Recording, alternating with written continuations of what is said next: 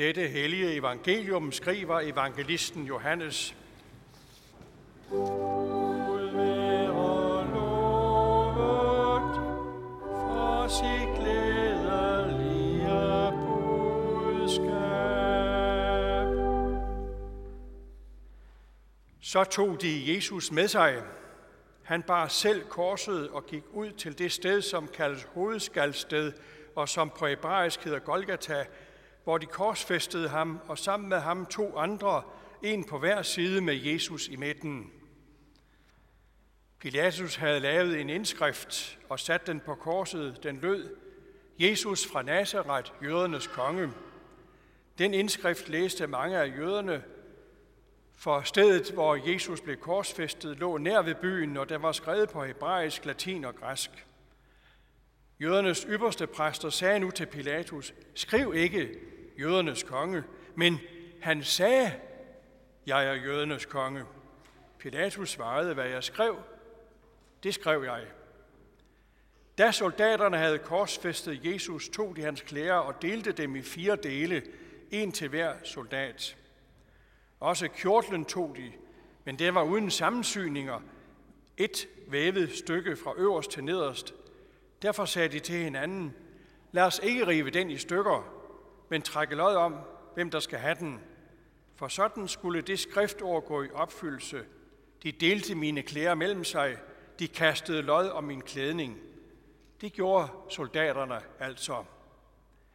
Men ved Jesu kors stod hans mor, hans mors søster Maria, Klopas' hustru, og Maria Magdalene. Da Jesus så sin mor, og ved siden af hende den disciple, han elskede, sagde han til sin mor, Kvinde, der er din søn. Derpå sagde han til disciplen, der er din mor. Fra den time tog disciplen hende hjem til sig. Derefter, da Jesus vidste, at alt nu var fuldbragt, og for at skriften skulle opfyldes, sagde han, jeg tørster. Der stod et kar fyldt med eddike. De satte så en svamp fyldt med eddiken på en isopstængel og stak den op til hans mund. Da Jesus havde fået eddiken, sagde han, det er fuldbragt. Og han bøjede hovedet og opgav ånden. Det var forberedelsesdag, og for at lægemerne ikke skulle blive hængende på korset sabbaten over, for det var en stor sabbat, bad jøderne Pilatus om, at de korsfæstedes ben måtte blive knust og de døde taget ned. Så kom soldaterne og knuste benene på den første og på den anden, som var korsfæstet sammen med Jesus. Da de kom til Jesus og så, at han allerede var død, knuste de ikke hans ben, men en af soldaterne stak ham i siden med et spyd, og der kom straks blod og vand ud. Den, der har set det, har vidnet om det, for at også I skal tro, og hans vidnesbyrd er sandt, og han ved, at han taler sandt. Dette skete for, at det skriftord skulle gå i opfyldelse. Ingen af hans knogler må blive knust. Og er der et andet skriftord, siger, de skal se hen til ham, de har gennembåret. Amen.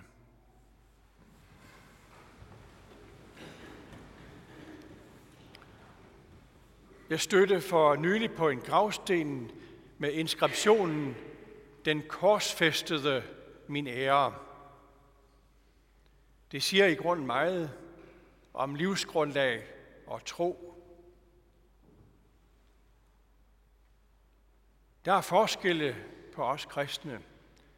Vi er evangelisk-lutherske, andre er romersk-katolske, nogle er apostoler og pinsefolk og adventister og baptister og forskellige ting.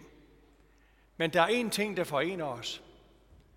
Kristi kors. Apostlen Paulus rejste rundt i det østlige Middelhavsområde og stiftede nye menigheder. Og han har sikkert haft brug for at sige noget forskelligt til dem. Forskellige anvisninger. Men når det galt forkyndelsen, var der én ting, han var helt klar på. Jeg har besluttet, at jeg ikke vil vide af noget andet end Jesus Kristus og det som korsfæstet. Det er evangeliets kerne. Korsfæstet for os. Guds søn blev menneske for vores skyld. Og ikke desto mindre udsat for en fuldstændig umenneskelig behandling. Mere afskyvækkende, bestialsk, brutal, hæslig, langsommelig aflivning af et menneske, en korsfæstelsen kan man ikke forestille sig. Det er forstemmende og afslørende, at verden vil af med Gud, og så på den måde. Der var en behjertet advokat i Kenya, i Nairobi i Kenya, der indbragte processen mod Jesus for menneske retsdomstolen i Haag på grund af uretfærdig rettergang og tilsidesættelse af fundamentale menneskerettigheder. Og det kan man da have en vis sympati for. Men det rokker ikke ved, at det skete for os. Jesu korsfæstelse rummer en guddommelig pointe. Det skulle ske. Jesus er menneske, sønnen. Gud og menneske forenet. Han opfylder alle Guds løfter om frelsen. Det er den røde tråd i afsnittet fra Johannes evangeliet. For at det skulle opfyldes, som allerede var sagt. I hundredvis af år opdragede Gud sit ejendomsfolk, Israel, til at forstå, at synd kræver soning. Som et lam, der føres til slagtning, formulerer profeten Esajas det. Det har uoverstigelige omkostninger, at vi vender os fra Gud. Men Gud bringer selv det fornødne offer. Kampen i Guds hjerte er levende fremstillet i en af bibelhistoriens mest kendte beretninger, beretningen om Abrahams vandring til Morias bjerg for at ofre sin eneste søn. Isak var sin fars enborne, elskede søn. Nu skulle han ofre ham, blev der sagt. Der er mange lighedspunkter i beretningen om Abraham på Moria bjerg og Jesu død på korset. Isak bar ikke nogen tværbjælke, men han bar selv brændede til offeret. Morias bjerg ligger i det bjergmassiv, hvor også Golgata ligger. Men der er et sted forskellen mellem beretningen om Abraham og Isak og så Jesu korsdød er himmelvid. Da Guds søn lod sig ofre for vores skyld, var der ikke nogen stemme fra himlen, der lagde sig imellem og sagde, rør ikke sønnen, Nej, evangeliet lyder, Gud sparede ikke sin eneste søn, men gav ham hen for os alle. Jesus blev korsfæstet dagen før den jødiske påske. Det var forberedelsesdag, hører vi. Det var en stor sabbat. Altså dagen, hvor påskelammet blev slagtet. Langfredag slagtes vort påskelam. Der stod også en detalje om en isopstængel. De stak en svamp fyldt med eddike på en isopstængel og holdt den op til hans mund. Det lyder lidt ejendommeligt, for øh, en isop er en lav, krybende busk. Vi stusser.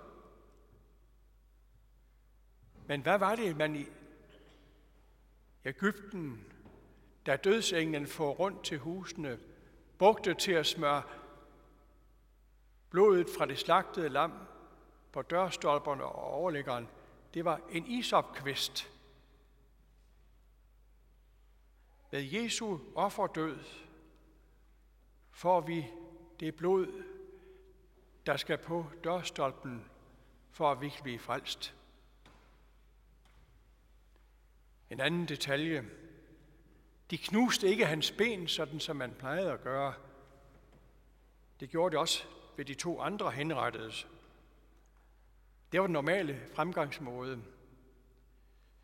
At knuse den korsfæstede knogler i benene, så den grusomme forestilling dog kunne få en afslutning. Den dødsdømte kunne få en lille smule støtte ved, og med de sidste kræfter at stemme fødder og ben mod den træklods, der var fastgjort til stolpen. Men ikke længere, når bødlerne havde knust knoglerne selvfølgelig. Hvad står der i forskrifterne om påskelammet?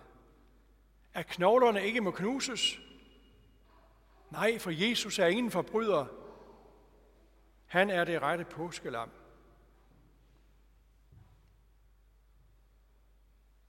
Profeten Zakarias siger, at Gud vil gå så langt som til at lade sig gennembore for sit folks bedste.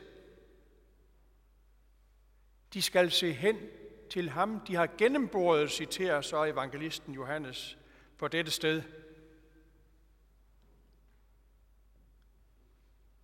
Og sætter derved lighedstegnen mellem Gud selv og den korsfæstede. Påskelammet er ikke noget offer, vi bringer, men et Gud selv bringer for os. O Guds lam, med korsets skam, du bar al verdens sønder. Når vi kommer sammen og fejrer nadvånden, og i brødet og vinen modtager Kristi lægeme og blod,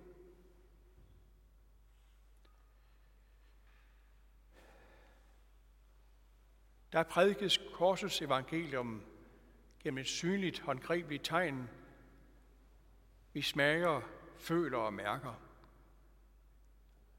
Derfor har menigheden til alle tider sunget det trefoldige O Guds lam.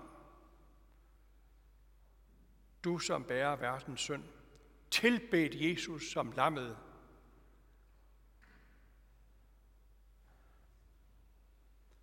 Korset blev kristendommens hovedtegn. I begyndelsen var det faktisk fisken. Men lammet er også et symbol på vores kristne tro. Nogle kender det fra brødremenighedens husandagtskalender.